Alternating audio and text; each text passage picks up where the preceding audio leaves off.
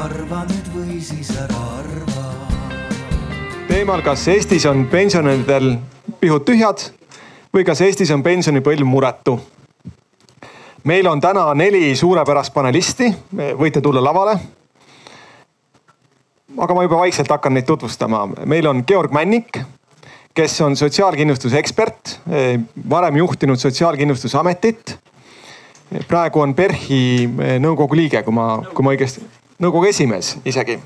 on Aimar Altosaar MTÜ-st Kuldliiga ühtlasi ka Postimehe ajakirjanik ja väga palju on tegelenud ehm, just eh, töötamise teemadega mm, kõrgemas keskeas.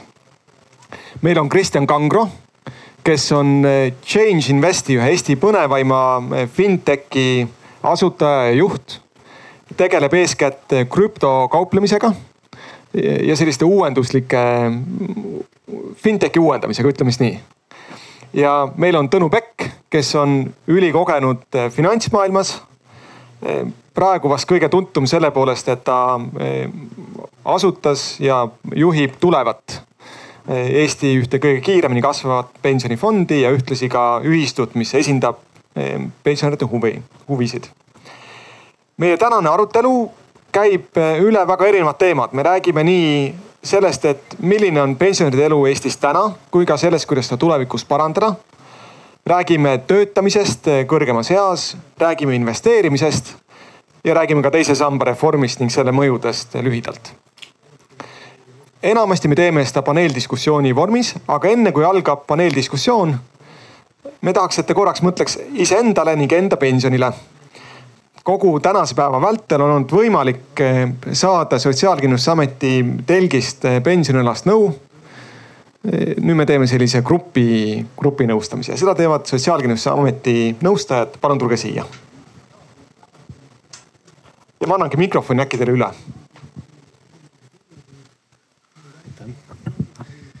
tervist. Me jagame siis mikrofoni, et minu nimi on Gunnar Gabriel. Äh, ma olen üks pensioninõustajatest projekti raames. ja mida me siis tegelikult teeme mida me oleme teinud. et kõigepealt üldjuhul tutvustame ettevõtetele pensionisüsteemi.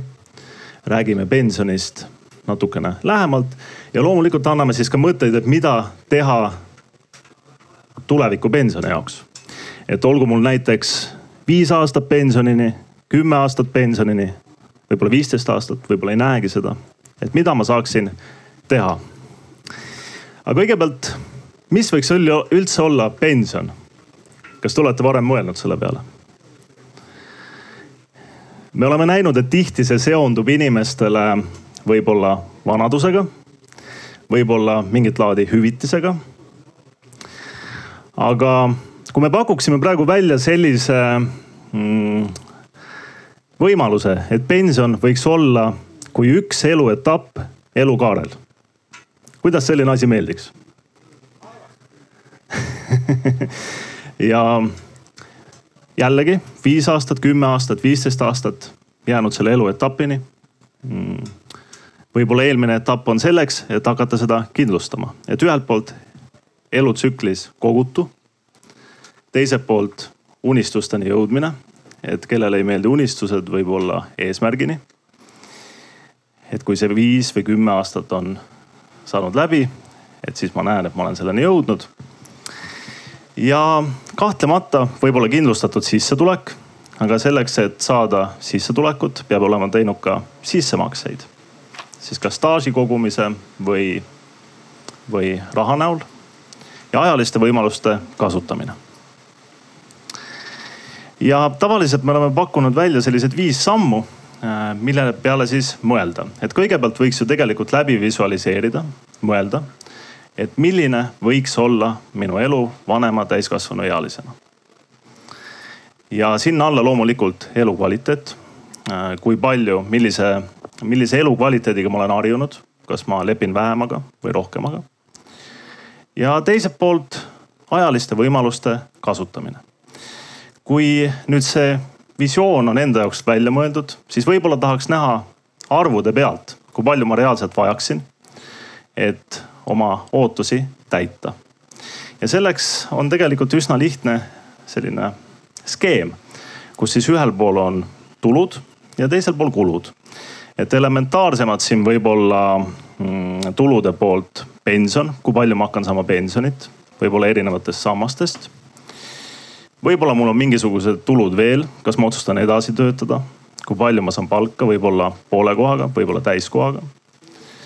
ja loomulikult äkki dividendid, renditulu ja kui nüüd rääkida kuludest, siis transport, millega ma liigun, kas ma käin jala või, või äkki autoga. kui palju selle peale läheb raha. ja teiselt poolt minu eluase, kas ma soovin elada suuremas majas, võib-olla väiksemas, mis see maksab. ja loomulikult jällegi mm, küsimus sellest, et, et lüüa need kokku ja saada pilt päris minu isiklikud ootused. visioon, äh, arvutused ja siis võiks ju tegelikult kontrollida ja selleks on kaks imelist võimalust, mida kohe tutvustab. Aitäh, sõnaga siis minul. mina olen tegelikult, võiks öelda Gunnari koopia, mina olen pensioninõustaja number kaks, olen Agne Kiviselg. Äh, üks osa sellest äh, meie projektist ja sellele lennukale jutule võib-olla nüüd natuke sellist tehnilisemat juttu kõrvale et need kaks äh, sellist vahendit. Number üks nendest, pensioniplaan.ee lehel asuv pensionikalkulaator selline pensionikompass. võimalik, et äkki te olete kohanud seda kuskil uudiste vahel bännerina sotsiaalmeedias, sellele tehti sellist suuremat sotsiaalkampaaniat. hea selline hästi lihtne kompass, mis ei nõua teilt mingisugust sisselogimist, võite julgelt selle Google'isse sisse lüüa. mis prognoosib teile tegelikult esmalt seda tulevast pensioni suurust ja tegelikult selle kõige selle summa kõrval esiteks ka seda, et millal siis see pensioniiga teie jaoks üldsegi kätte jõuab. Kui palju selleni on aega, kui vähe selleni on aega. ja kuidas tegelikult mõjutab teie pensioni kui rahalise summa suurust see, kui vara või kui hilja te pensionile lähete. selline hea kompass, millega lihtne erinevaid selliseid stsenaariume läbi mängida aga teine ikkagi isiklikku, isiklikke andmeid tahaks ju ka näha. selle jaoks ähm, tuleb mängu eesti.ee lehekülg. Kodanikuna tõenäoliselt ühel või teisel põhjusel me oleme pidanud sellele lehele sisse logima, käima dokumendi andmeid vaatamas, mis iganes muudel põhjustel. aga külastage lehekülge eesti.ee pensionikalkulaator. logite sinna sisse ja te näete praeguseks hetkeks reaalselt teie kohta kogunenud pensioniandmeid, pensionisumma sellist suurust, reaalselt tänast seisu, mis kõik siis meil teie kohta äh, teada on. Ja, ja selle teadaolemise kõrval tegelikult hea selline märguanne veel, et mis andmeid teie kohta veel teada Sotsiaalkindlustusametil ei ole, see tegelikult ka teie pensionisummas ei kajastu. ehk äh, tööraamat tuleb üles otsida, kõrvale panna, hellalt hoida kindlas kohas aga mina annan nüüd äh, Gunnarile otsade kokkutõmbamiseks sõna uuesti tagasi üle. jah, see tuli kuidagi kiiresti ootamatult ühesõnaga on siis läbimõeldud, on vaadatud arvutuslikku pilti, isegi on kontrollitud erinevad kalkulaatorid. siis tegelikult võiks ju olla plaan, et jällegi, kui palju siis pensionieani aega on, et kasutada seda aega, et kindlustada endale pensioni tulevik. ja loomulikult üks võimalus on just nimelt kritseldada maha plaan, mida siis järgida. elu on ju pidevas muutumises ja selles suhtes me ei tea kunagi, kas see plaan ka õnnestub. aga sellegipoolest kahtlemata see motiveerib seda järgima. ja kui on plaan paigas, siis võiks ju tegelikult tegutseda. jällegi see aeg ennem pensioni eluetappi et kindlustada oma tulevik pensioni eluetapiks. ja tegutsemise puhul me võime ju rääkida rahaliselt, võib-olla erinevad pensionisambad, aga jällegi igaühe enda parima äranägemise järgi, kuidas pensioni tulevik endale kindlustada. igatahes tuleks selle peale mõelda ja kui me saame kuidagi olla pensionialaste küsimustega kasulik, siis me istume endiselt seal ja oleme valmis teid nõustama. aitäh. aitäh.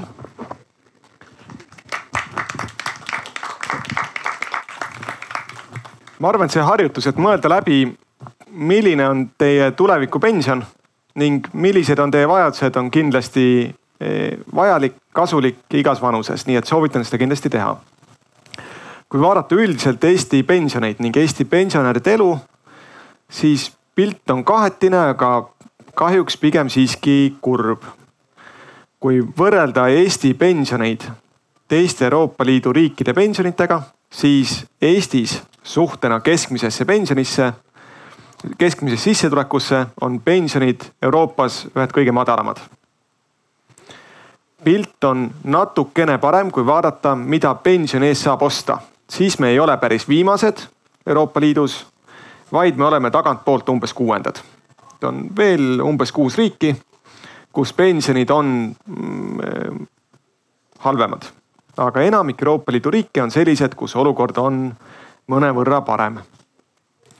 Miks see nii on? see on sellepärast nii, et ega me väga palju ka pensionisse ei panusta. E, ka selle kohta kogutakse statistikat. see osa sissetulekust, mis Eestis kulub pensionite kogumiseks, maksmiseks, on väga väike võrreldes paljude teiste riikidega. see on see tänane pilt. ja nüüd küsimus paneelile. kas teie meelest täna on Eestis pensionid piisavad või mitte? Kas te arvate, et tänaste Eesti pensionäride sissetulekud on piisavalt suured või peaks midagi tegema, et neid tõsta? Aimar, äkki alustame sinust?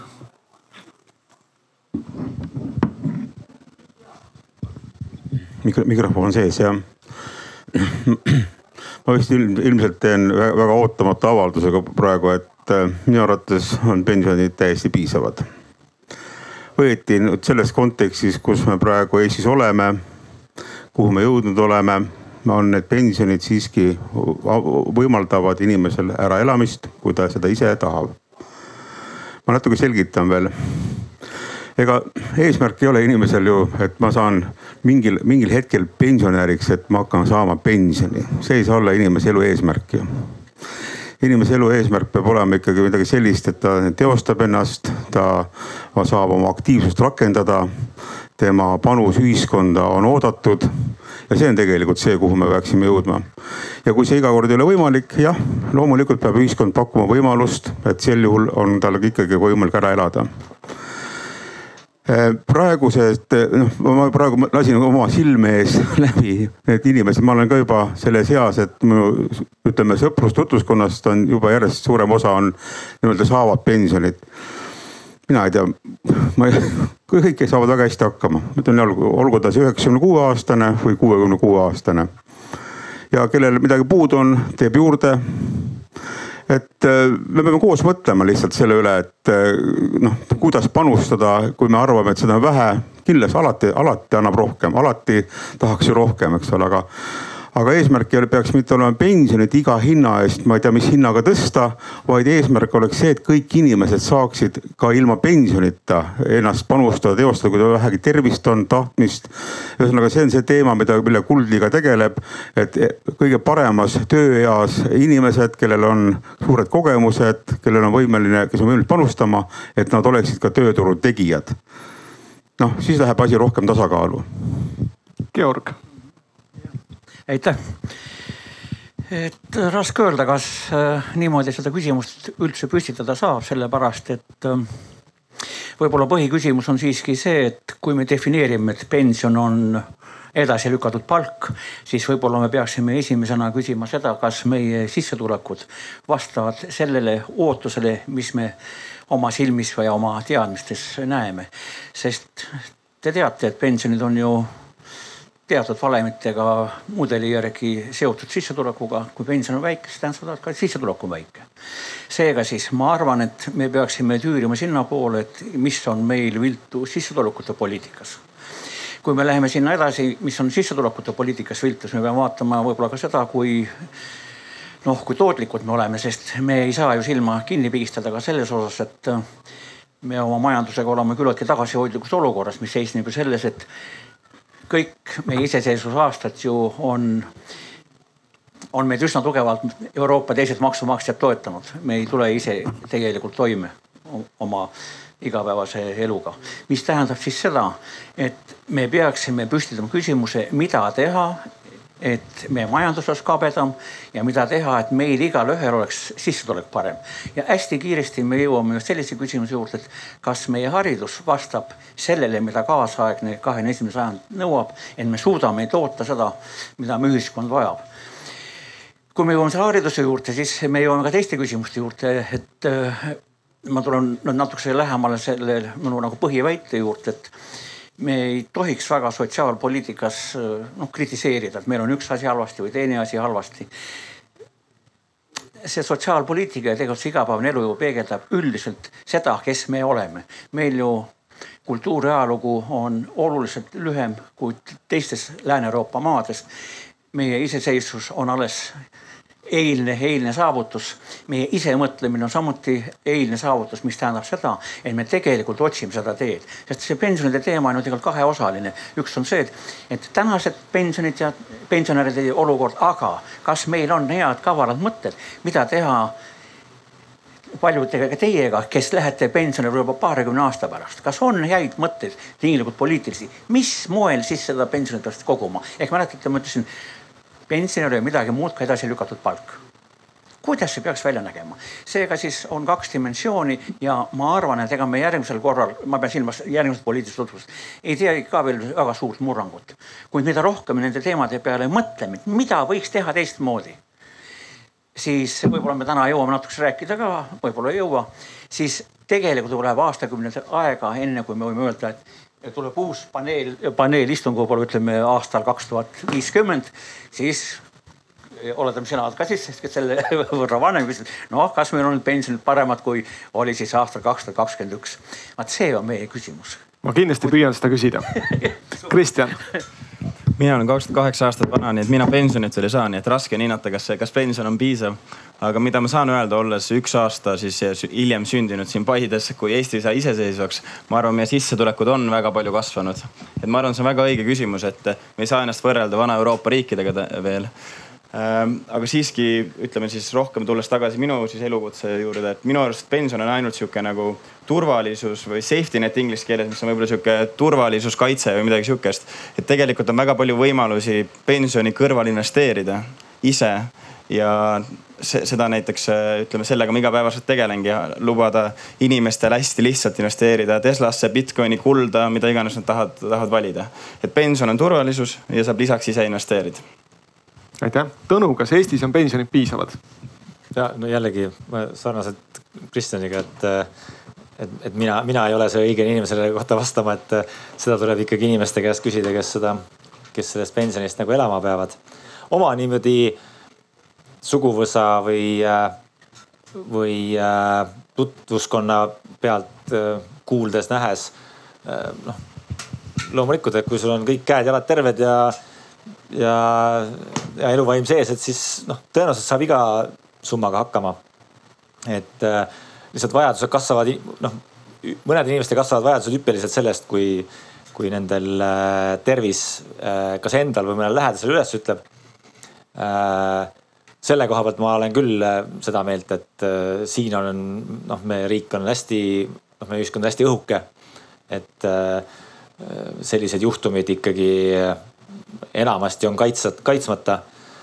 Mm, jällegi ei ole tead, noh mul on tutvusringkonnas mõned inimesed, kes äh, tõenäoliselt suudaksid igasugusest elujuhtumist ennast oma kogutud kapitali abil läbi saada, aga noh, see ei ole mõistlik, et iga inimene peaks siis nüüd äh, kuhjama sellise hunniku varandust, et äh, mis aitaks tal siis noh, kõige hullem, noh mingi tõesti mingi raske haigusega hakkama saada, et selle jaoks võiks ju ikkagi selle jaoks me võiksime ühiskonnana üksteist ju kindlustada, et loodetavasti kõigiga meil ju ei juhtu midagi halvasti.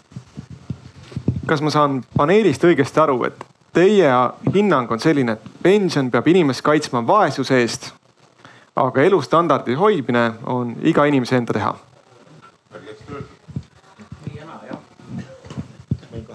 ja palun. ja noh, minu meelest siin on ma ei tea, isegi võib-olla äkki niisuguseid asju ei peaks valima, et äh, võib-olla mõtlema peaks lihtsalt äh, nagu järjekorras.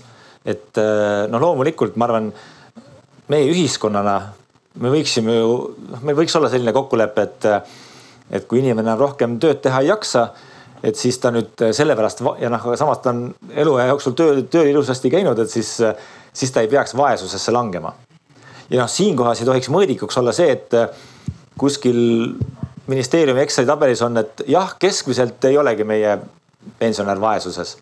noh, see ju ei aita, et kui, kui see on nagu see keskmise jõe sügavusega, et, et seal peaks ikka mõõdik olema, et noh, et ei, meil ükski pensionär ei, kes on teinud oma oma normi nii-öelda või inimene, kes on teinud oma normitööd täis, et siis, äh, siis tema ei peaks olema vaesuses, mitte ükski.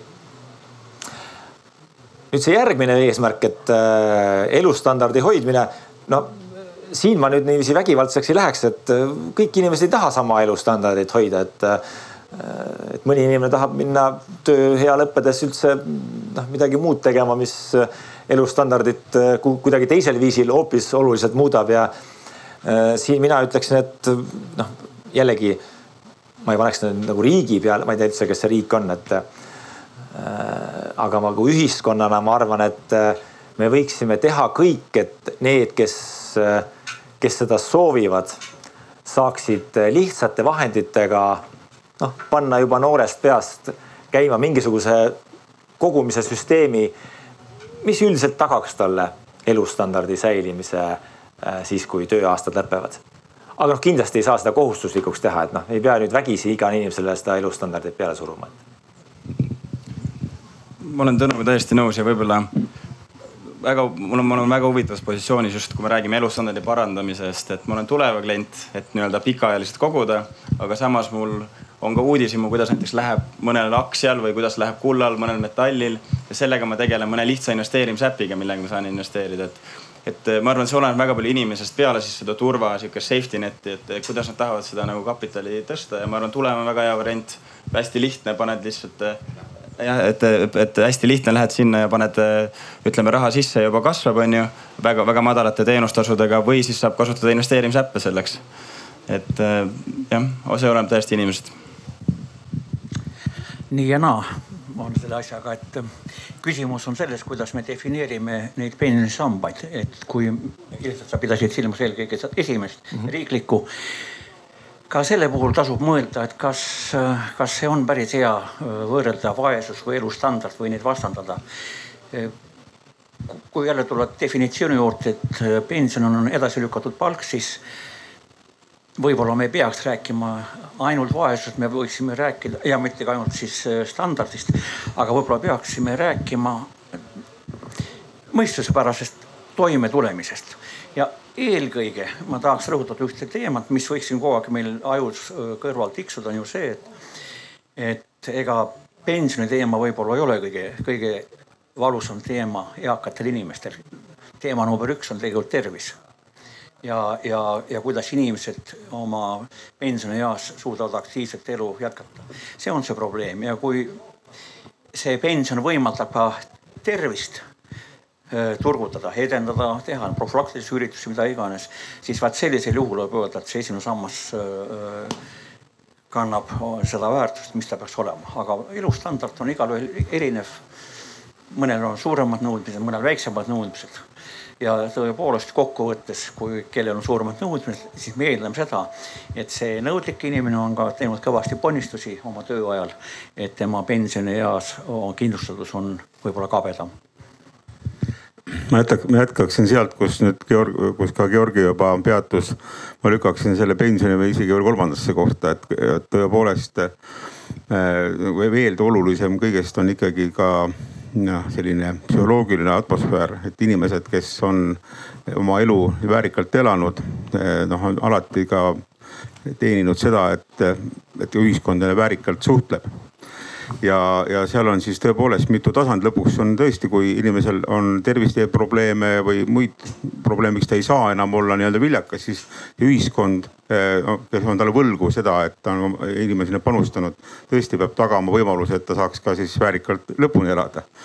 Aga eh, see on nagu see hoiaku küsimus ja ma arvan, et sinna väga paljud asjad meil nagu läinud, et me nagu arvame, et, et kui on pension või mingisugune muu selline rahaline pool, siis see nagu lahendab kõik probleemid, et tegelikult inimene tahab tunda ennast äh, väärika kogukonna liikmena alati, sõltumata sellest, kui vana ta on sest inimene hakkab vananema juba kohe sündides, kohe.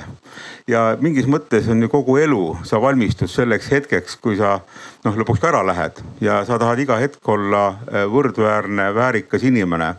ja, ja see on see koht, kus me peaksime üsna noorest peast selleks ka mingis mõttes valmistuma.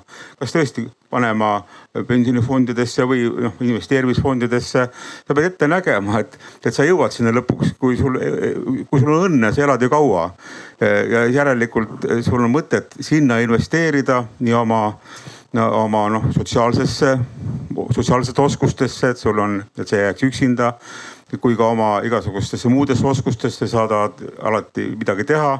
ja loomulikult ka siis võimalusel korral noh, kui on raha üle või sa saad seda niimoodi planeerida, investeerid kuhugi ja nüüd on see koht, kus siis riik saab appi tulla. minu arvates need meie sambad olid meil päris kenas harmoonias enne nüüd see teine on millegipärast, et vahelt niimoodi noh, kõikuma pandud. ega seda vist enam ei taasta, noh, ma ei ole selle ala ekspert, aga üldiselt sellised sambad, mida siis riik nagu annab nagu inimese võimaluse nende kaudu ennast siis ka lõppu nii-öelda väärikalt tunda. noh, need on head asjad, see on see, mida ühiskond saab teha ja me peame alati mõtlema selle peale, et kui me nüüd igat asja on lihtne lammutada või ka kuidagi mingite maatritega tõestada, et see ei ole hetkel tulus, aga, aga mõtleme ikka inimeste, tema väärikuse peale, et ta oleks alati kaitstud. tema elu on alati üks tervik igas elufaasis. kas ta ise või siis juba ühiskonna abil saab ennast tunda väärikana, see, see on see minu arust võtmekoht. aitäh, ma tahaksin vahepeal küsida ka publiku arvamust. palun andke käega märku, kas teie meelest peaks olema riigi prioriteet pensionite tõstmine järgmistel aastatel andke käega märku, kui te arvate, et see peaks olema riigi prioriteet. ja ainult üksikud käed tõusid, selge, tundub, et meie publik ja paneel on enam-vähem üksmeelel selles küsimuses. ma tahaks edasi eh, minna natuke konkreetsemate teemade juurde, kõigepealt investeerimise juurde. kui ma õigesti tean, siis Eestis investeerib aktiivselt eh, kas kolmanda samba kaudu, aktsiatesse või ka mõnel muul moel suhteliselt väike hulk inimesi. Neid on umbes sada viiskümmend tuhat, kes seda Eestis teevad. samal ajal kui meie elanikkond on umbes üks koma kolm miljonit inimest. muidugi paljud neist on lapsed, aga ka võrreldes täiskasvanutega pigem väike hulk inimesi. miks see nii on? Kristjan, miks sa arvad, et eh, miks see nii on? Ma olen jah, ma olen jah oma panuse andnud sellesse, et eh, vist eh, Change'i äppi kasutab üks protsent Eesti rahvastikust, nii et eh, siin kõrval panelist on ka oma suure panuse andnud. ma arvan, miks see, miks see nii on, on, et investeerimine tundub inimestele väga keeruline Nad tunduvad, et see on, nad ei saa aru, et mis teenustasud on, kuhu ma pean täpselt investeerima. see kogu protsess on neil jah sihuke hõlmamatu põhimõtteliselt, aga tegelikult see üldse nii ei ole ja inimestele publikus ja kes kuulavad ka veebis, et tegelikult investeerimine on väga lihtne. et näiteks äh, tulevasse saab lihtsalt logid ID-kaardiga sisse ja põhimõtteliselt kannad raha peale. samamoodi näiteks Change'i investeerimisäpiga saab derivatiividesse, krüptorahadesse, metallidesse viie minutiga konto teha ja üldse ei pea alustama investeerimist tuhandest eurost. et eh, nii mõlemasse nii-öelda nii pensionisse kui ka investeerimisäppide läbi saate investeerida juba võib-olla kümne, saja euroga. et, et jah, ma arvan, et sihuke pertseptsioon, et see on keeruline ja kallis ja hästi palju raha on selleks vaja, ma arvan, need on põhilised põhjused. aga tegelikult see üldse nii ei ole. Tõnu. ma siin Kristjaniga täiesti nõus selle koha pealt, et noh, ma ei tea, kelle, kelle süü see on niiviisi, aga investeerimise puhul on, ma arvan, paljudel meist tunne, et oh sa pagan, et me peame siin nüüd, siin ma pean nüüd hirmus palju detaile enne endale selgeks tegema. üks tüüpiline selline, ma ei tea, selline vabandus või, või vastuväide mõnedel mul tuttavatel, kui ma räägin, et ma ei tea, pane oma kolmas sammas tööle. on see, et ja, ja ma lähen puhkusele ja siis noh, siis kohe kohe võtan selle ette ja teen selle asja endale selgeks ja noh, võib-olla panen, ostan mingi kursuse ka veel, maksan sinna kõigepealt sada eurot ära ja. et mul ei ole midagi kursuste vastu, ma arvan, need on väga ägedad asjad ja seal leiad uusi tuttavaid ja.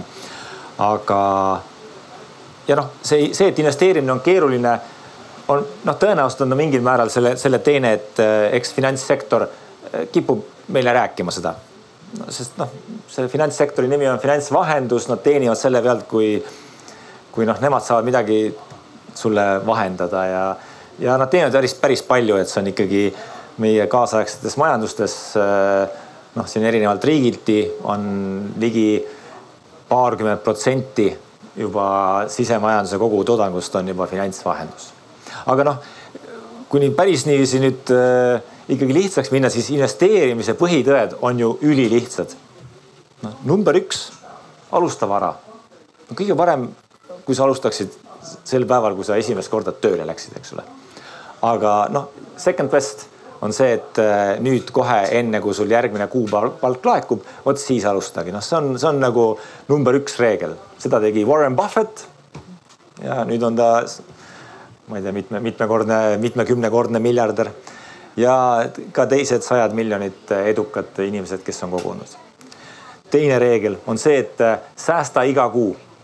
Et ei ole nii, et ma nüüd mõtlen, ai praegu täna on börs madal või ma ei tea, varesed lendavad kuidagi madalalt, et siis täna ei, täna ei säästa ja siis, siis jälle homme, vot siis nüüd tulevikus seda teen.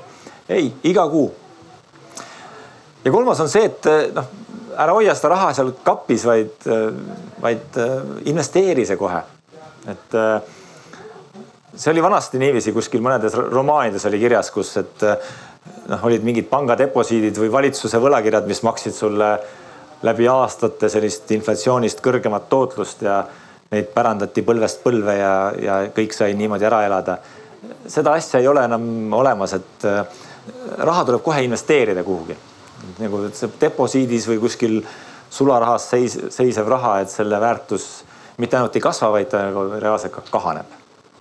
Ja need ongi kolm nagu lihtsat põhitõde, selleks ei pea kuhugi kooli minema, selleks ei pea omandama finantstarkust, et see et ähm, aga noh, loomulikult nende rakendamine nüüd, nüüd siis okei okay,, avad siis selle panga veebilehe ja siis seal on nagu tuhat toodet ja siis kuskilt veel tulevad emaili mingisugused muud pakkumised, et siin ühisrahastus seal ja teine ja.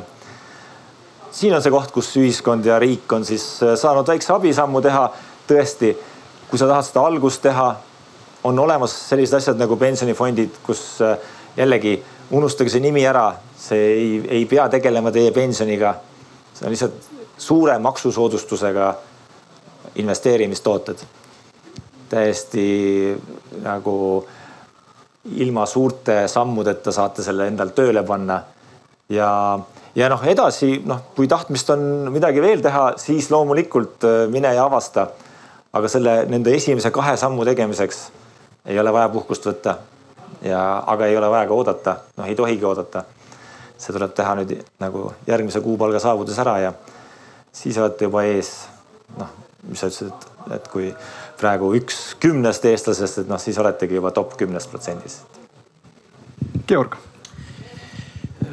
lisaksin võib-olla mõned sellised kõrvalmärkused. Ju on nii, et kui me vaatame meil Eestis keskmist mediaanpalka, tähendab mediaanpalka siis ega ta just suurem asi ei ole ja põhimõtteliselt see, et investeerimistegevus on meil uimasevõitu, ei ole mitte sellest, et me ei, ei, ei oska või ei taha, kuid lihtsalt on pere kõrvalt küllaltki keeruline seda raha kõrvale panna. Neid inimesi, kes elavad sõna otseses mõttes palgapäevast palgapäevani, on ikkagi väga palju ja väga raskelt see elu, igapäevane elu tuleb kätte ja kui sul on lapsed ka veel, kes soovivad võib-olla erinevates ringides käia või mis iganes, siis see ongi see investeering. et me ei pea rääkima seda, et otsime kuskilt fondi või midagi muud. aga investeerimisega on veel üks asi, mul on väikene kahtlus, et et me natukese alahindame investeeringut haridusse ja alahindame investeeringut iseenda tervisesse. tervisest natukese rääkisime, tuleme selle hariduse poole tagasi. see meid ümbritsev maailm muutub praegu sellise kiirusega, et sõna otseses mõttes me võime päevadega jääda ajast maha ja me ei suuda pakkuda oma töö ja, ja igapäevase tegevusega ei iseendale ega ümbritsevale keskkonnale seda, mis on oodatud.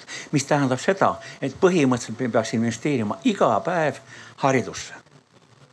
seega siis jutt on prioriteetidest, kas meil on kogu aeg vaja raha, et kogu aeg tuleb raha rohkem korjame pensioni jaoks? Või meil seda raha võib-olla vähem, aga me oleme haritud ja meil on tervis. Need on väiksed alternatiivid. Me ei ole seda küll kokku leppinud varem, aga niimoodi kukub välja, ma keeran ühe vindi veel peale. Et, et eh, jah, loomulikult ma olen muidugi nõus sellega, et investeerida tuleb, kui ikkagi vähegi võimalik, siis iga, iga inimene peab tõepoolest nii palju ikkagi suutma, kas mõne väikse summagi kõrvale panna, see on igatahes väga mõistlik tegevus. ja loomulikult tervis on tõesti oluline ja koolid koolitus ja haridus. noh, see on nüüd selline asi, mis kunagi meil noh, kunagi ei ole liiga palju haritud olla või liiga terve olla, et seda, seda mahub meil alati hästi palju aga ma tulen ikkagi veel kolmanda tasandi juurde just inimesesse kui noh, sellisesse psühholoogilisse sotsiaalsesse olendisse et see on ka ohutult väärtuslik, et, et võib-olla mõni sent jääda mõnest fondist nagu ikkagi välja, aga mine, mine sõbraga tee see õlu äkki. et piltlikult öeldes sotsiaalne võrgustik ja, ja sellised head suhted, need tähendavad nii õudselt palju, et ja need lähevad järjest noh, kuidas öelda väärtuslikumaks nii et tõepoolest kõik need kolm tasandit, raha peab hoidma, tervist peab hoidma, kuid ka sotsiaalsed suhted peab hoidma. kõigisse nendesse tuleb investeerida. Ja siis see nagu lõpuks see noh, see pension on oi kui tere, tore, et see ka veel, eks ole. Et sa nagu ei mõtle kogu aeg ainult selle pensioni peale, aga sa mõtled enda kui inimese peale. Ma tahaks ikka publikut ka kuidagi saada meie arutelusse kaasa ja jälle küsiks teie käest ühe küsimuse, äkki paneel annab ka käega märku, vastab küsimusele kas teie meelest oli teise samba reform õige või mitte? kui te arvate, et see oli õige, palun tõstke käsi.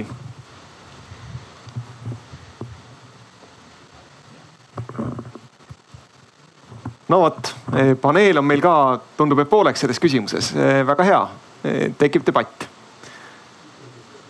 võib-olla Tõnu, alustame sinust, et miks sina arvad, et see oli õige? no lihtsalt noh meie jaoks oli osa, osa sellest reformist oli õige, et, et teine sammas varem ei, ei teeninud piisavalt kogujate huve. ja puhtalt selle nagu raha kasutamise piirangute tõttu. ja meie mure oli see, et kui sa oled kogumise noh, nii-öelda oled piisavalt kaua kogunud, pensioni jaoks ei saanud raha äh, vabalt kasutada ja nüüd saab see reformis nagu said küll kõlapinda rohkem igasugused muud teemad. noh, see võimalus raha kogumist nagu üldse mitte teha. noh, minu arvates see oli üsna mõttetu. ma ei tea, nagu kui see on kogumissüsteem, siis seal ikkagi võiks ju edasi koguda, et äh, lihtsalt tekitas tarvetut keerulisust juurde. aga, aga see, et, et inimesed nagu saaksid oma raha paremini kasutada, on, oli minu meelest mõistlik aga noh, nii tervikuna jällegi noh, sellest ongi raske öelda, et kas pensioni nagu me peaksime defineerima, mis, milles see reform oli. minu jaoks oli reform oli see, et äh, kui mina jõuan eelpensioniikka, siis alates kuuekümnendast eluaastast ei pea mina oma kogutud teist sammast üle andma kindlustusseltsile, vaid saan seda tarvitada täpselt nii, nagu ise tahan, kas võtta ühe korraga välja, võtta jupikaupa fondist välja või siis tõesti anda see kindlustusseltsile ja saada eluaegne pension et minu jaoks oli see reform. ma arvan, paljude jaoks, jaoks oli mingi teine osa, noh tundub, et reformi eestvedajate jaoks oli tähtsam see, et sa said kogumise üldse lõpetada. noh, mina ei tea, kui see on kogumissüsteem, siis see kogumise lõpetamise nagu noh, see on ka tore, et on seal olemas võib-olla, aga, aga minu jaoks seda väärtuslikumaks ei teinud. Georg, miks teie olete teise samba reformiga rahul? Peaks kuidagi võib-olla teistmoodi sõnastama, on see, et ähm, see teine pensionisammas võib-olla on paljudel huvitav teada, et ega selle eesmärgiks ei ole kunagi olnud pensioniprobleemide lahendamine, vaid see on olnud rahanduslik instrument ja rahapoliitika instrument. seega siis see teise pensionisamba ülesehitus arvestas väga vähe tulevaste pensionäride ootusi, rääkimata sellest, kuidas tema tootlus ja mingid muud asjad on, see on kõik tegelikult detailid. aga ei räägitud lõpuni, et mida siis tegelikult selle raha eest on võimalik saada, sest vaadake, ma toon teile ainult ühe tillukese näite. me oleme praegu globaalses majandusruumis ja põhimõtteliselt euroruumis, mis tähendab seda, et me võime minna iga päev Soome või, või, või Berliini, kuhu iganes oma eurodega ja me tunneme väga hästi, et meie nii-öelda rahaline võimekus seal aega viita on madalam, kui on seda kohalikel inimestel ja pange nüüd tähele, et meie oma väikesest palgast paneme väikese raha kõrvale. siis selle raha, ükskõik kui hea tootlus nendes fondides tema on, siis kahekümne aasta pärast, kui meie sissetulekud on kasvanud võib-olla samasuguses, kui on see, see Saksamaal või Soomes inimestel, siis osutub, et see, need summad, mis me täna oleme kogunud, on tegelikult suhteliselt tühised ja nad ei anna tolle tuleviku aja hindadega piisavat garantiid, et maksta kommunaalmakse, toitu, mida iganes. on teil mõttekäik jälgitav, eks ju? et sellised kogumisinstrumendid on vägagi asjakohased siis, kui meie see majanduslik ja sissetulekute poliitika on selles globaalse turuga võrreldav, kus me ise sees oleme.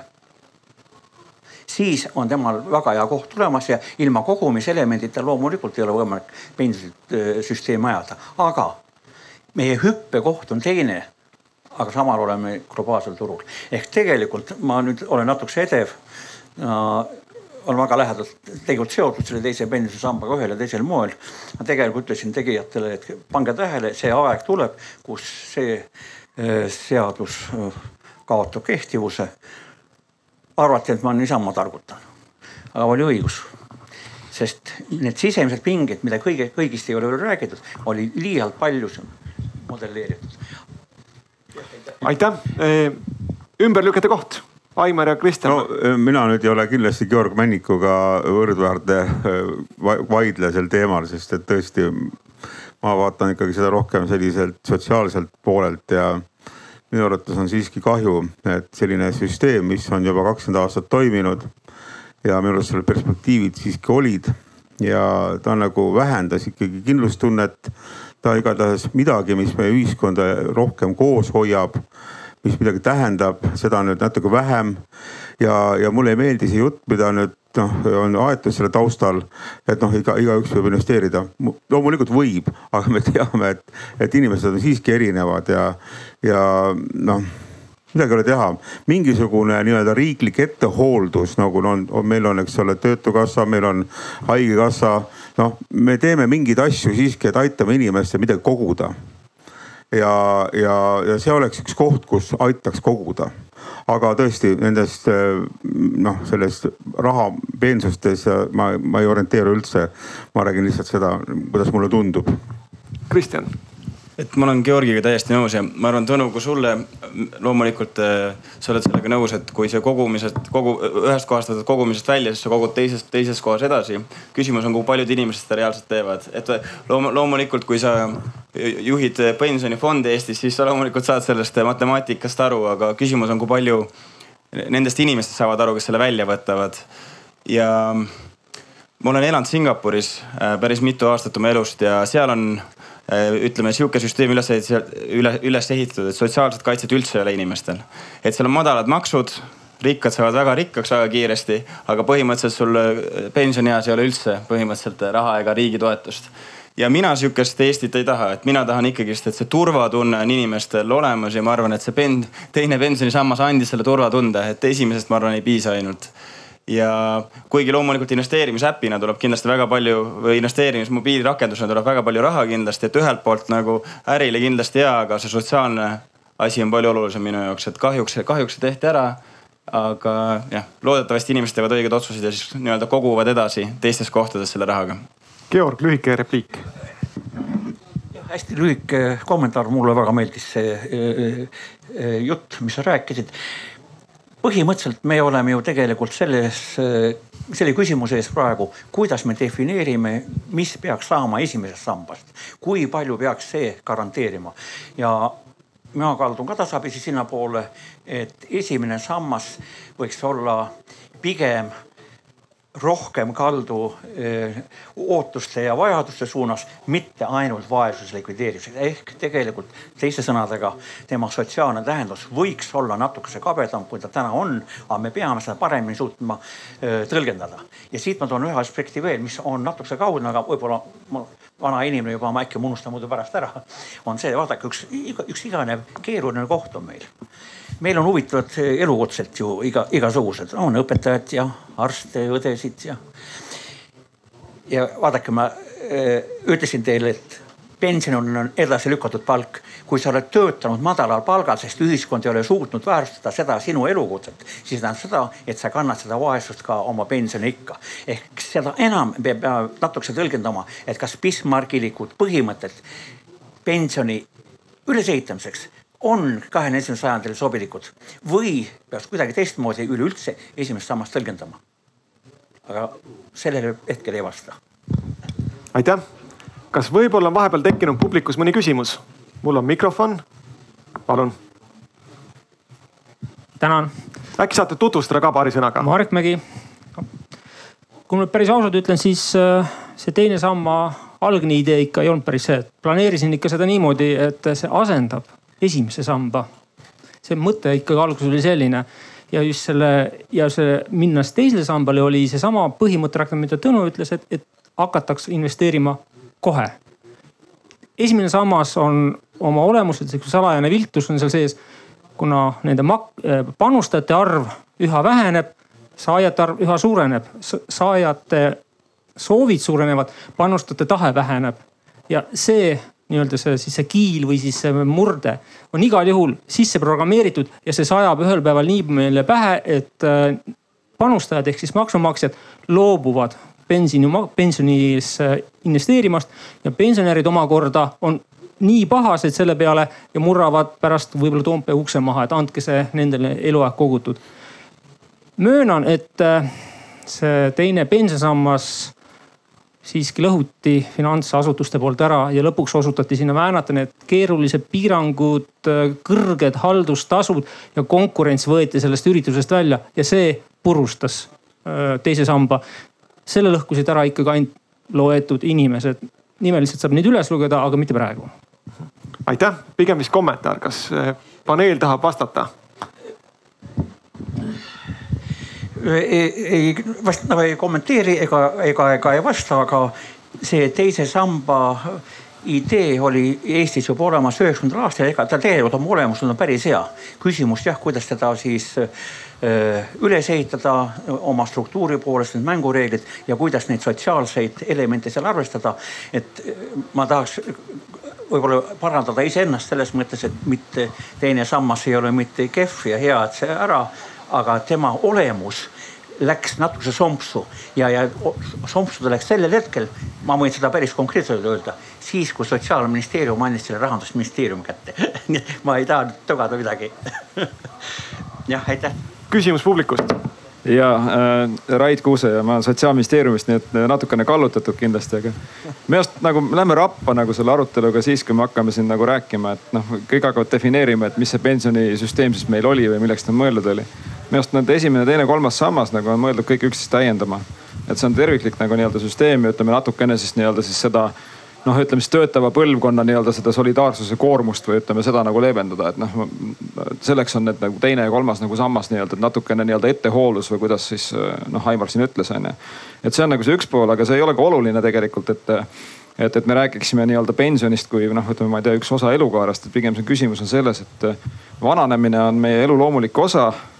Noh, sellega käib kaasas teadupärast ka see, et ma ei tea, võib-olla siis ei jookse enam kilomeetrit nii kiiresti ja, ja, ja trepiastmed muutuvad mõnele rohkem raskeks kui te,, kui teisele on ju nii-öelda, et noh, tervise eripärad ja nii edasi on ju, iseseisev hakkamasaamine, et me peaksime rääkima nagu sellest, et mis siis on see heaolu nagu nii-öelda selles vanaduspõlves, kuidas see kokku tuleb, mis osa on sellel tõepoolest sellel finantsilisel poolel ja mis osa on sellel sotsiaalsel poolel, mis siin on nagu räägitud, et, et noh, ütleme kõik need investeerimise ja kõik need äh, Äh, jutud ja need süsteemid nagu tegelikult peavad ju toetama meil seda, et me suudame selle elukaare siis viimase otsa ka nagu, kuidas seda öelda siis vähemasti väärikalt kuidagipidi ja iseseisvalt äh, ära toimetada.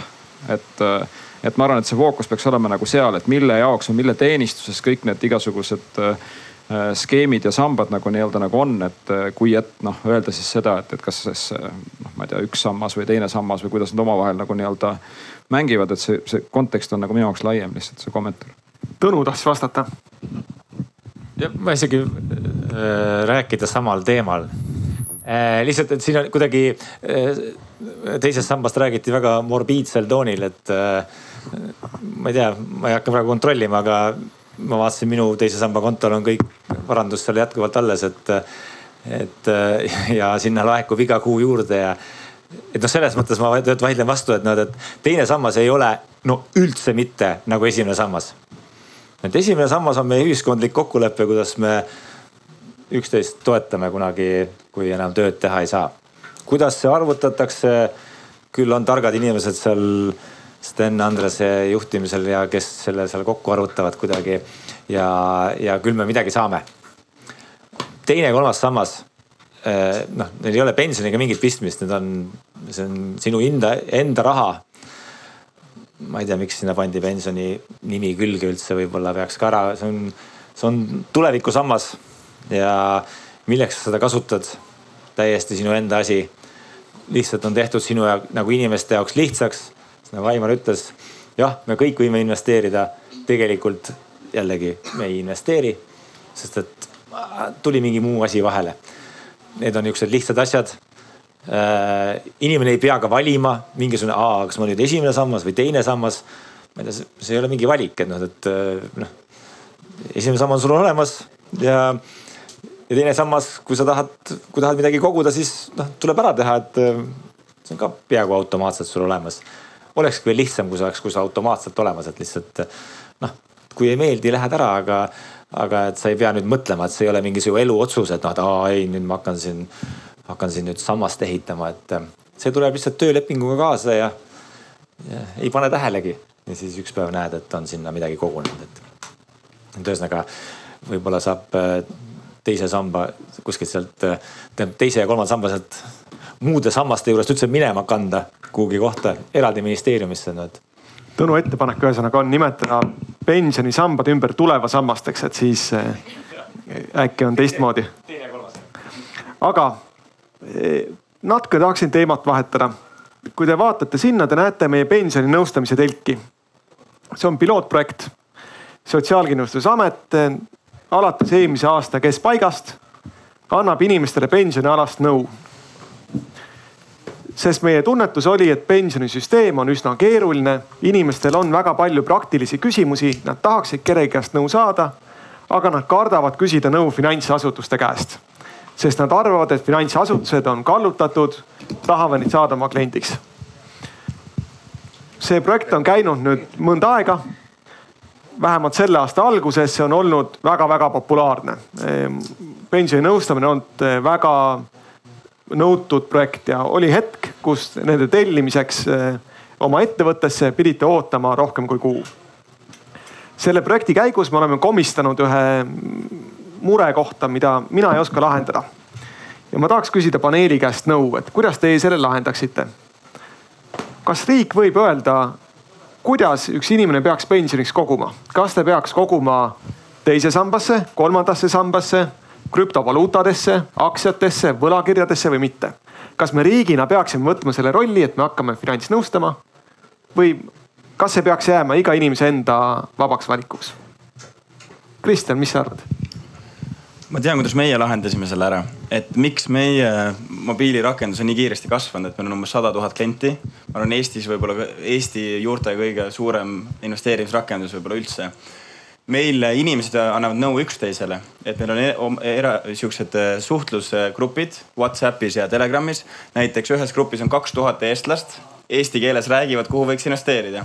räägivad äh, aktsiatest, derivatiividest, krüptorahadest. et võib-olla seda ei peagi riigi poolt teha, et võib-olla kui omavahel inimesed nagu jagavad informatsiooni ja, ja suhtlevad ja mõtlevad sellest. et võib-olla see, võib-olla see on lahendus, et vähemalt see on, kuidas meie seda lahendasime. ma arvan, et äh, et jah, et ma arvan, et võib-olla, et riigiga isegi väga palju krit kritiseeritakse riiki alati ja ma arvan, et kui veel finantsotsuseid hakata nõustama ja natuke vasemale läheb, siis võib, võib see natukene käest ära minna minu arvates. Georg ma arvan ka, et võib-olla riik ei peaks siin nii väga otseselt osalema, võib-olla kaudsel moel, et äh, haridusprogramm üle vaatama, et lastel oleks õppeprogrammides äh, teemat käsitletud, ükskõik kas intressiarvutus või mis iganes. aga ma tulen selle teema juurde tagasi, mis ma kõige alguses ütlesin, et tegemist on ikkagi meie enda arengu ja meie enda sellise kultuuri küsimus. ehk kuidas me tõlgendame seda maailma, kus me oleme sündinud ja kus me elame. ja kui ma vaatan ka ise, iseenda otsuseid äh, viimase näiteks kolmekümne või neljakümne aasta jooksul, mis tähendab siis seda juba, et Vene äh, Nõukogude ajast juba peale. Kui palju on see maailm iseenda sees peas muutunud ja kuidas ma oma riske maandan või teen uusi otsuseid. ja kui ma vaatan oma lapsi ja lapselapsi, siis nemad on samuti oma uues keskkonnas ja teevad teistmoodi võrreldes, kuidas mina olen teinud. see tähendab seda, et ikkagi see keskkond ja see maailm peab meid kujundama ja me peame sellest õppust võtma. sest me tegelikult oleme kõik ju erinevad, ei saa vaevalt, et see pensioninõustaja, ükskõik on ta riigi oma või ta on kuskil panga, eh, panga seal eh, kabinetis. et vaatab otsa, ahah, vot sulle ma nõustan seda või ma laon kõik need variandid ette ja siis lõpuks on niimoodi, inimene läheb jälle uksest välja, et pea pulki täis ja ei ole targem ega midagi. ehk peaks olema tasakaalus see meie areng, meie mõistmine, kuidas me näeme seda ühiskonda, mille sisse me oleme sündinud. aitäh. Et ega seda vist on raske ette kujutada, kuidas riik või kes see riik siis on, kas sina, Sten või keegi, keegi teine, kolmas, kes see riik on, hakkab meile nõu andma. seda ma kujutaks ette. üks suur nõu ju on, et teine sammas on siiski nii-öelda nõuande tasandil ju praegu elus, eks ole, et sa võiksid sinna, sinna invest, lasta investeerida ja hoida ja see, sellest võib-olla piisab nüüd riigi puhul. aga mida saab riik teha, ainult kiita takka seda, mida nüüd Georgi ütles ja veel kord, et haridussüsteem ja muidugi ka riigijuhtide, poliitikute, ametnike selline ausameelne käitumine, et nad ise ka säästavad. Et see säästmine, ettemõtlemine, tuleviku peale mõtlemine on nagu meil nagu õhus, et, et me kõik nagu teeme seda et kui kergemeelne ja raiskav käitumine eh, on, on nagu see, mis võib-olla lõhub kõige rohkem ja, ja siis see sõnad enam ei aita, nõu ei aita. et noh, see on meie igapäevases tegevuses kinni. mina käisin seal telgis nõu saamas ja minu meelest eh, see on nagu väga väärt, väärt nõu. mulle näidati kust kohast noh, täpselt siin nagu kõigile teist, teistele, aga mul näidati konkreetse mobiili pealt, et kus ma saan vaadata oma, oma esimese samba suurust. tõenäoliselt, kui ma olen ja mul oli spetsiifilisi küsimusi ka veel kadunud tööraamatu kohta näiteks ja, ja minu meelest on see väga väärt nõu see kalkulaator, millele mulle viidati, see näitab ka mu teise ja kolmanda samba kogunenud sääste minu arust see on väga väärtuslik äh, asi, et äh, loomulikult peaks seda tegema, keegi teine seda ju ei tee, et kui sa oma panka lähed, siis nad ei tea mitte mõhkugi sellest, et nad. et äh, tehke ikka edasi. aga kas peaks tegema ka veel sammu edasi, Tõnu, ja ütlema, et seal telgis, et sina peaksid investeerima indeksfondi, aga tema peaks investeerima Bitcoini ei no kõigepealt peaks tegema selle sammu edasi, et noh, mitte üks telk, vaid äh, siin telk ja seal telk ja siis veel teises linnas telk ja mingi järgmisel festivalil ka telk ja et eh, kui need on ära tehtud, et siis. siis räägime. siis vaadaks edasi. okei okay,, selge. Läheks investeerimise teemast natukene edasi, töötamise teemade juurde. umbes veerand Eesti pensionäridest töötab. see on kaugelt kõige suurem number kogu Euroopas. on üksikud riigid maailmas, kus see number on veel suurem. Nendeks on Uus-Meremaa, Jaapan, Island, aga Euroopa riikidest me oleme kaugelt kõige suurema töötavate pensionäride osakaaluga riik. kui otsida põhjuseid, võib kindlasti leida nii häid kui ka, kui ka vähem häid põhjuseid. ühelt poolt küllap see näitab midagi meie inimeste tervise kohta, oskuste kohta. aga samas võib-olla see näitab ka midagi selle kohta, et inimesed on sunnitud pensionieas töötama, sest muidu hakkama ei saa. üks probleem, mis selle valdkonnaga seondub, on, et kuigi eakad sageli töötavad, siis need töökohad, mis neile pakutakse ei ole sellised, mis vastaksid nende ootustele või ka nende oskustele. kas ja mida me peaksime tegema, et eakatel oleks tööturul lihtsam? Aivar, sinu teema. äkki alustad? no see teema on minul ka rohkem ju küsimuste vormis selles mõttes, et selline ealine diskrimineerimine, noh mis ei ole nüüd selles mõttes diskrimineerimine, et inimesed hakkavad, näevad, et, et vanem inimene, nüüd ma hakkan teda diskrimineerima vaid, vaid see tuleb lihtsalt teatud hoiakutest ja välja kujunenud arusaamadest, mis on tõesti võib-olla mõnikümmend aastat tagasi olid inimesed noh, nelja, viiekümne, kuuekümne, seitsmekümne aasta vanuses. see oli üks kiire tervise ja töövõime allakäik, see võis, võiski nii olla. aga tänapäeval ei ole ja, ja teiseks ka need oskused ja nõuded, mida siis noh, tegelikult on tööturul vaja. ei ole sellist noh, selliseid töid, kus on vaja seda noore inimese energilisust, füüsilist jõudu, sellist kiirust, neid töid on pagana väheks jäänud ja need on ka üsna, kehvasti tasustatud sel juhul et kui sa pead füüsiliselt midagi liigutama, enamik töid sa istud ju kusagil kuvari taga. ja, ja tegelikult on vaja, et inimene suudaks nagu noh lugeda, kuulata ja pigem nagu sellised sotsiaalsed oskused, kannatlikkus ja, ja, ja nagu analüüsivõimekus, see kõik on, muutub järjest olulisemaks. ja, ja seetõttu minu, minu väide või Kuldiga väide, mida me oleme siis ajanud, et, et tööturul tööandjad, juhid ei tunne ära seda head tööjõudu et vaadatakse ikka selliste vanade standardite järgi, et kui peab ikkagi olema selline eh, noh, noorepoolne mees, noh naine võib ka olla, aga siis ilma lasteta paluks Eh, või hakkab lapsi saama, siis on ka veel paha, et, et need on sellised hästi-hästi rumalad ja kitsad eelarvamused, millest me sageli ei ole noh välja tulnud. ja mida siin nüüd teha? noh, minu arvates on noh, vähemalt mitmed avaliku sektori eh, ministeeriumid, ametid on, on seda teed läinud minu teada ka sotsiaalministeerium, et äh, ei tee seda vahet, et on, on inimesed, kui ta tahab mingit tööd teha, ta on motiveeritud, tal on oskused tal on võimed, siis ei ole ju tähtis, kui vana ta on äh, minu arvates üks asi on siin Eestis ja vist Euroopas nagu valesti läinud, ma olen noh järjest rohkem, kui ma ise jõuan kuuekümne viienda eluaasta lähedale. et ma olen siis oma tuttavatelt sõpradelt, kes on nüüd õppejõud ja teadlased, et, et kunagi kehtestatud see, et kuuskümmend viis on, siis läheb emeriituseks, et no see, see ajab ikkagi noh, paljudel inimestel kopsule maksa, see on nagu noh, sa võtad, lõikad sageli inimestel kõige paremas noh, sihukese loomeeas nagu võimalused ära äkki, et. et no milleks seda tehakse, et ma ei ole, ma ei ole Ameerika ekspert, aga, aga nii palju lugenud olen, seal sihukest jama ei ole, et.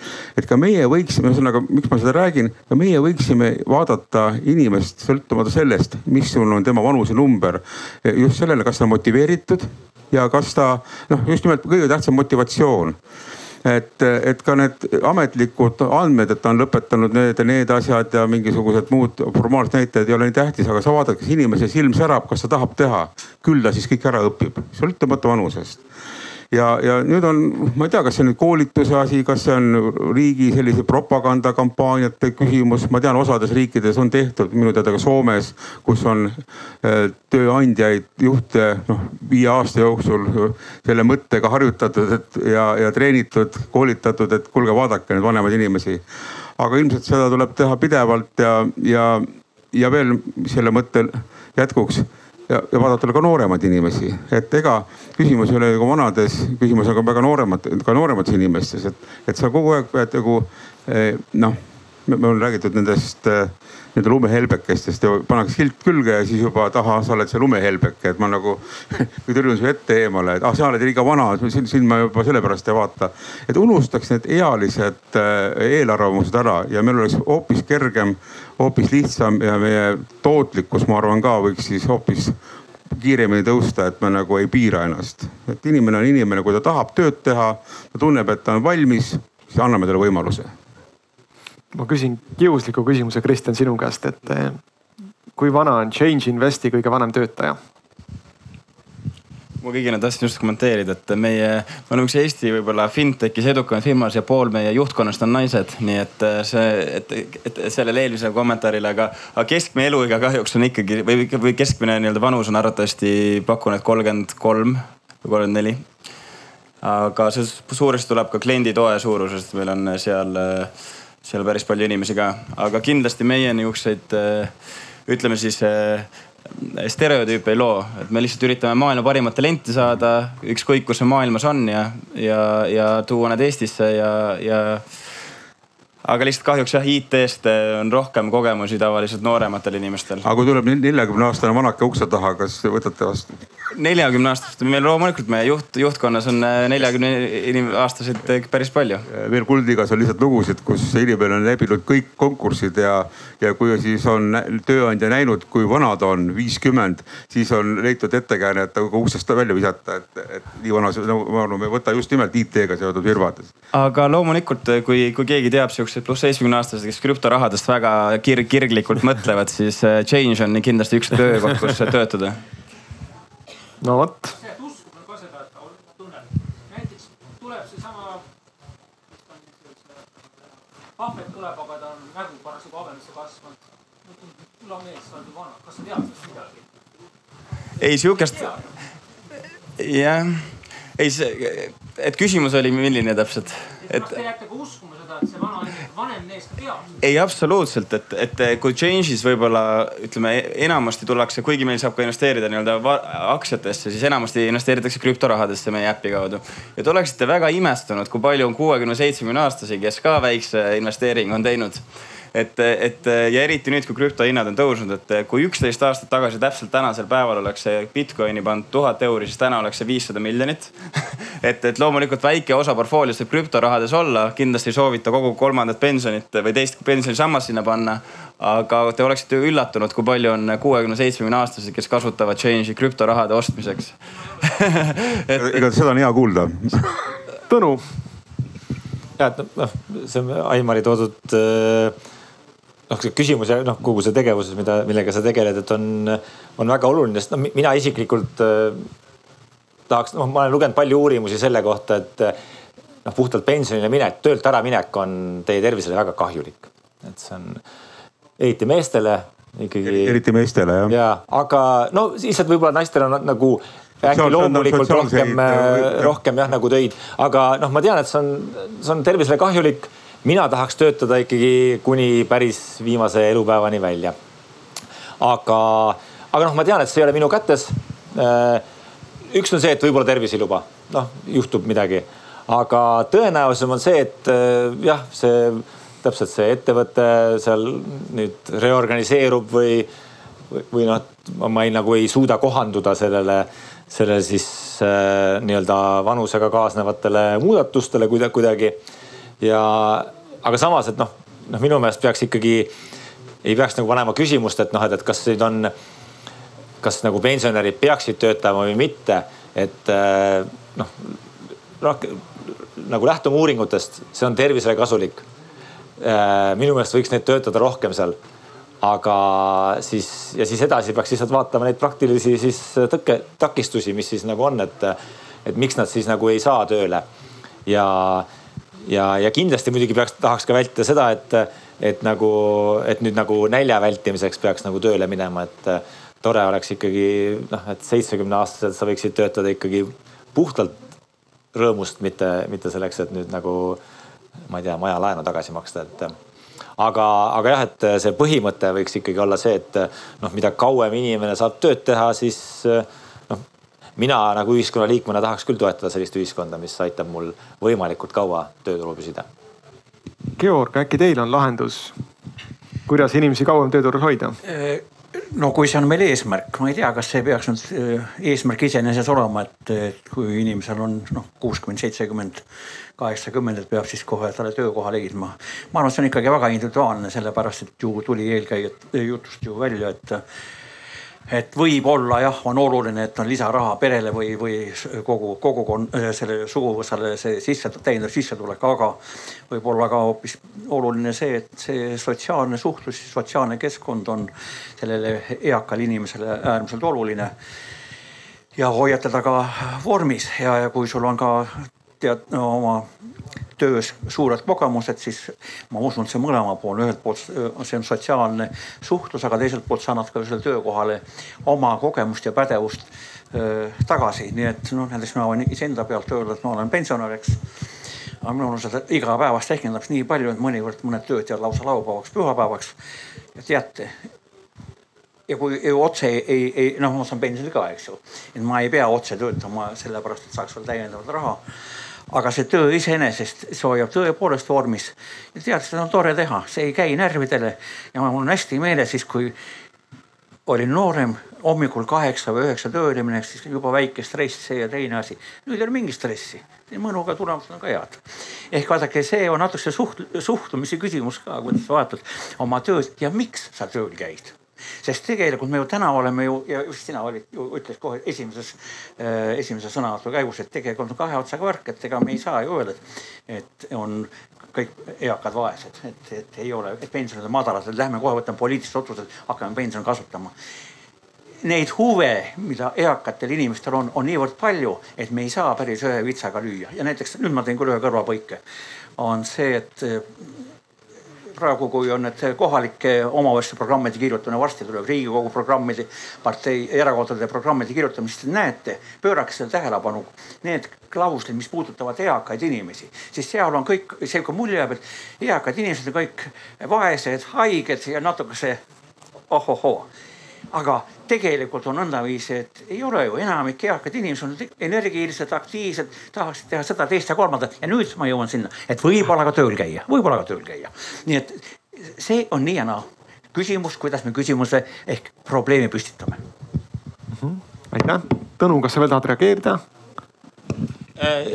ja ega see, ma selles mõttes, kui, kui inimene ise leiab endale tegevused lihtsalt nagu mul oleks nagu hea meel et kui, äh, kui ühiskond toetaks seda äh, võib-olla ja aitaks mul sellest laiskusest üle saada, et äh, kuna see on tervisele kahjulik, on pensionile jääda, et siis, et hoiaks mind kauem tööl. ma oleks selle käest tänulik talle ma tahan öelda ka, pension kindlasti ise ei ole tervisele kahjulik ja, ja kui seda pakutakse, on see võimalik, miks mitte, aga ma tahaks öelda, et see ei saa olla elu eesmärk. ja, aga samas on minu, minul on tutvuskonnas inimene, kes saab näiteks oma Eh, ta oli kakskümmend viis aastat teatriartist ta läkski päevapealt pensionile, väga noor mees oli, läks pensionile. ja see pension, ma isegi ei taha mõelda, kui väike see on.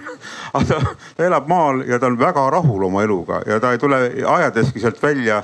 Eh, see on tema elulaad, tema valik ja ma arvan, et inimestel tulebki olla nagu noh, anda võimalus valida.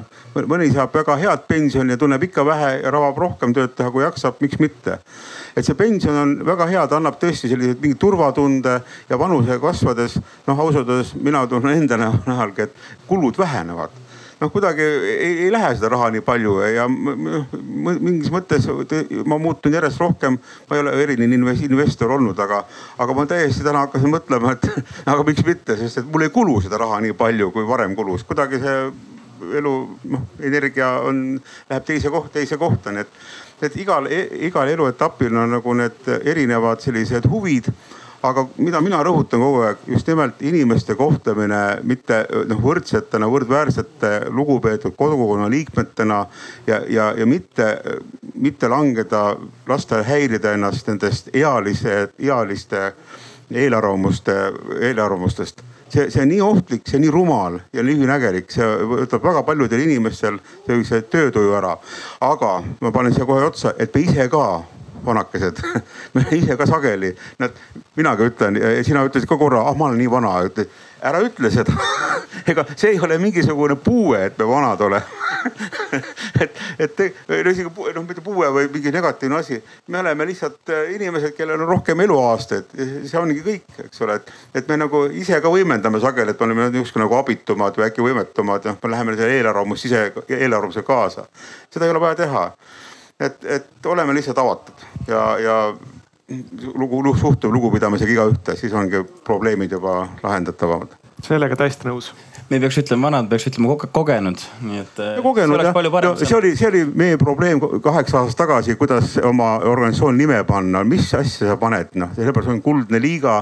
et noh, see nagu ei, ei anna nagu mingit äh, lisatähendust, kui ütled vana, eakas, noh siis noh, hakkavad juba mingid pampersid silme ette tulema, et, et ei, ei ole vaja, paneme kuldne liiga, siis kõik saavad aru, et see on väärtuslik kogenud inimene. täpselt ja pärast saame neid eelarvamusi niimoodi murda, et ostame esimese Bitcoini sulle ka koos teema on küll põnev, aga ma korraks eh, hüppan järgmise aspekti juurde. perekond ja pensionipõlv. ma esitaks nii paneelile kui ka publikule ühe väite. palun andke käega märku, kas te olete sellega nõus. väide on järgmine. lapsed on kõige parem pensionisammas.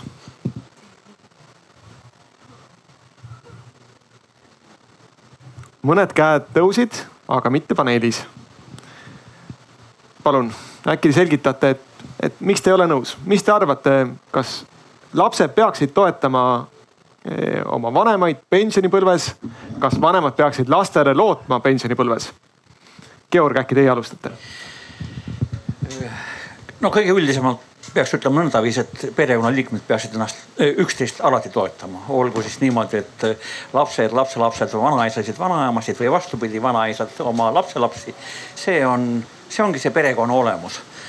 aga mul ikka rohkem, rohkem on selline veendumus, et üldiselt, et lastel, eriti praegusel ajal, on neid muresid ja, ja ülesandeid niivõrd palju, et oleks hea, kui vanaisad, vanaemad ei tule oma muredega laste muresid suurendama, sest nendel on ju omad sotsiaalsed kohustused, nendel juba omad lapsed hakkavad tulema. seetõttu siis nüüd eh, minna ja viriseda, et, et mul taburet on katki või, või siis ma ei tea, pirni vahetada kuskil. või et, et kas ma saaks võib-olla, ma ei tea, kümme eurot. see nagu ei passi, sest perekonnal on ülesanne, see on sotsiaalne jätkusuutlikkus järelikult mina pean punnitama, nemad peavad punnitama ja, ja mitte siis äh, lootma selle peale, et üks generatsioon peab igal juhul teist toetama. Toetavad niikuinii, kui perekonnas on üksteise mõistmine ja arusaamine, milleks see perekond üldse on. Tõnu. jah, see noh, see pensionisammas, see viitab justkui, et äh, sul algses küsimuses oli ka veel nii, et kas see on nagu selline pensionikindlustus mm. -hmm. no number üks, äh, kes iganes on siin kindlustusäriga tegelenud, siis äh, meie perekond tänapäeval on noh, ma ei tea, neli-viis, võtame laiendatud perekond on mingi kümme inimest, et äh, see on väga halb kindlustusselts, kus on ainult kümme seda nagu, kümme erinevat nagu riski on siis kokku nii-öelda pool itud et äh, perekond lihtsalt ei sobi kindlustuseks, ta, ta on nagunii seal olemas, seda ma noh, loomulikult sa toetad. aga niiviisi kindlustussüsteemina on, oleks ju naeruväärne mõelda, et see nüüd meid ja kui me räägime kindlustusest ikkagi mingisuguse suure riski vastu kaitseks.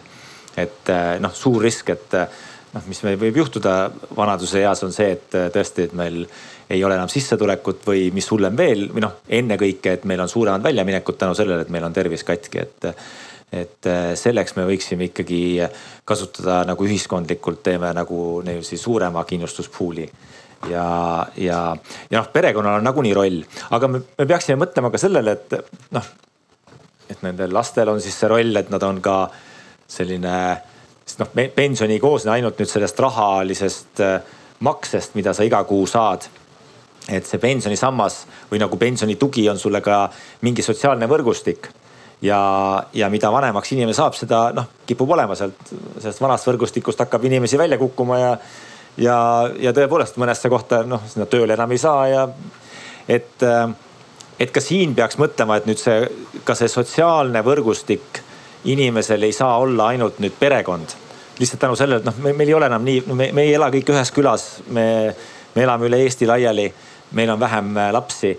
Äh, et siin võiksime ühiskonnana mõelda seda, et kuidas me saame toetada seda, et, äh, et noh, lisaks rahalisele tšekile oleks ka vanemas eas meil mingisugused omad kogukonnad, milles me nagu saaksime ennast siis noh, vastavalt väärikana tunda, et. Minu arust ka lapsed on ikkagi, me oleme lapsed ilma, ilmale toonud selleks, et nad saaksid oma õnne ise püüda, et ärme jää neile ette, tõesti. ma arvan, et meil on, me oleme ise rahul sellega, kui lapsed saavad ennast ise teostada.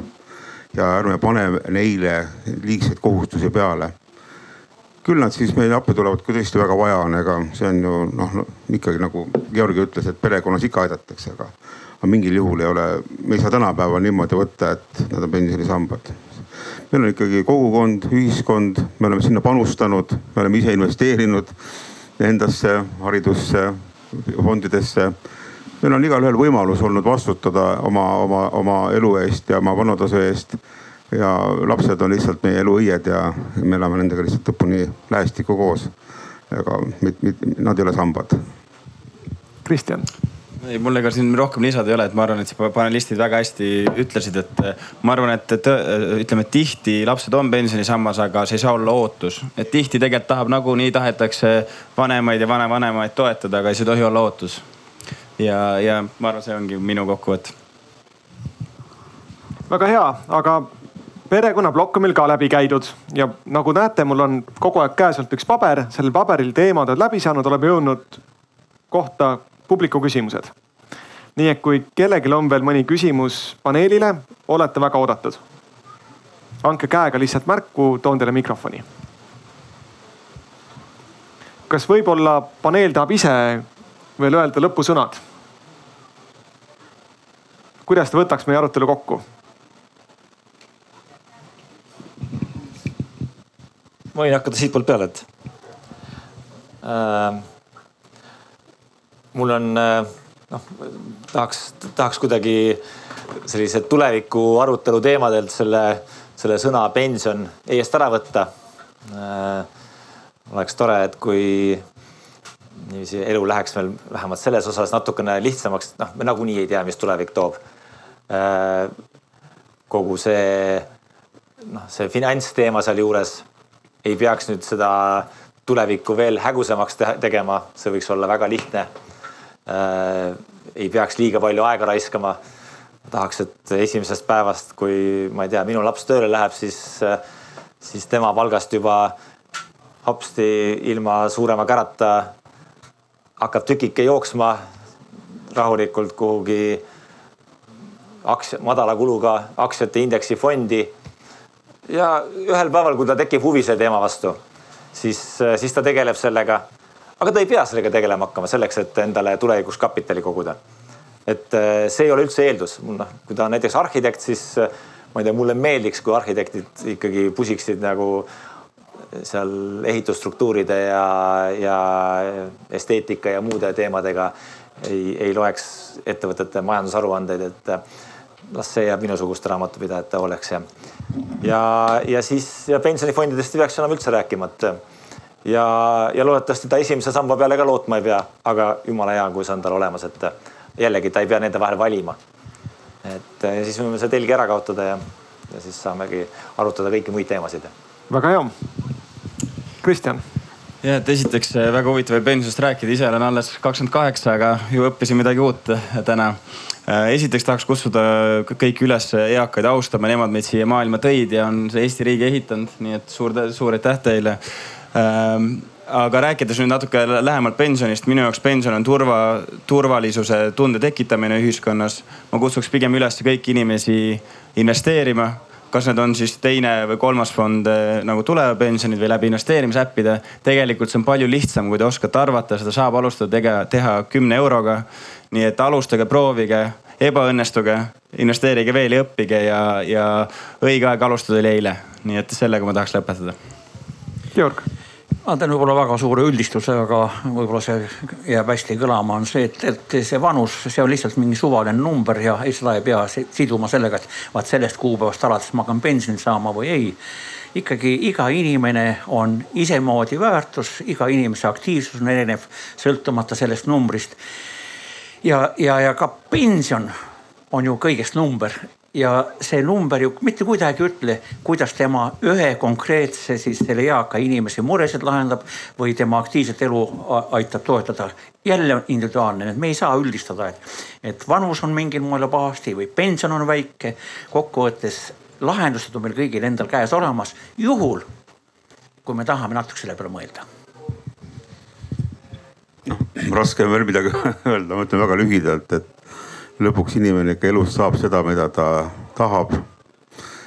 kui sa oled investeerinud, oled olnud eh, noh, oma eluga nagu noh, pingutanud selle nimel, et olla, olla enda vastu aus ja sul on, eh, sul on plaanid, siis need realiseeruvad, kui sa tõesti investeerid sinna päriselt. olgu siis raha, olgu siis tervisse, olgu siis headesse suhetesse ja need lõpuks viivad sihile, et tasub olla aktiivne investeerida kõigesse nendesse kolme. aitäh. ma arvan, et eh, paneeli kokkuvõte ongi väga hea ning eh, mis mul siia ikka lisada on. võib-olla ainult nii palju, et eh, sotsiaalministeerium on praegu koostamas heaolu arengukava, kus me täpselt nende teemadega tegelemegi. ja ka meie ei taha mitte rääkida teiega tulevikus pensionist, vaid sellest, et kuidas tagada inimestele võimalikult suur heaolu ja sellest ka meie lava tänane nimi. me täna oleme mõtete kogumise faasis, me loodame, et aasta lõpus, järgmise aasta alguses võib-olla te saate ka mõelda kaasa meiega, kui see teema teile pakub huvi. juba võttes aluseks kirjaliku dokumendi, mitte midagi väga pikka, vaid lihtsalt meie mõtted, kuhu võiks minna, et Eesti inimeste heaolu parandada. ma tänan teid kõiki kaasa mõtlemast. sellega meie tänane päev ei, ei lõpe vaid eh, läheb hoopis edasi. kõigepealt te saate minna pensioninõustamise telki, kui teil on mõni praktiline küsimus. Eh, Tõnu käis väga kiitis, ma arvan, et ka teie saate sealt väga asjalikku nõu. ning lisaks siit alalt ei tasu väga kaugele minna, järgmine arutelu algab kell kuus. see on hoolekande teemal ning kui ma ei, ei eksi, teema oli, eh, kas jaksab maksta pika elu eest. soovitan väga ka seda arutelu kuulata. aitäh, kõike head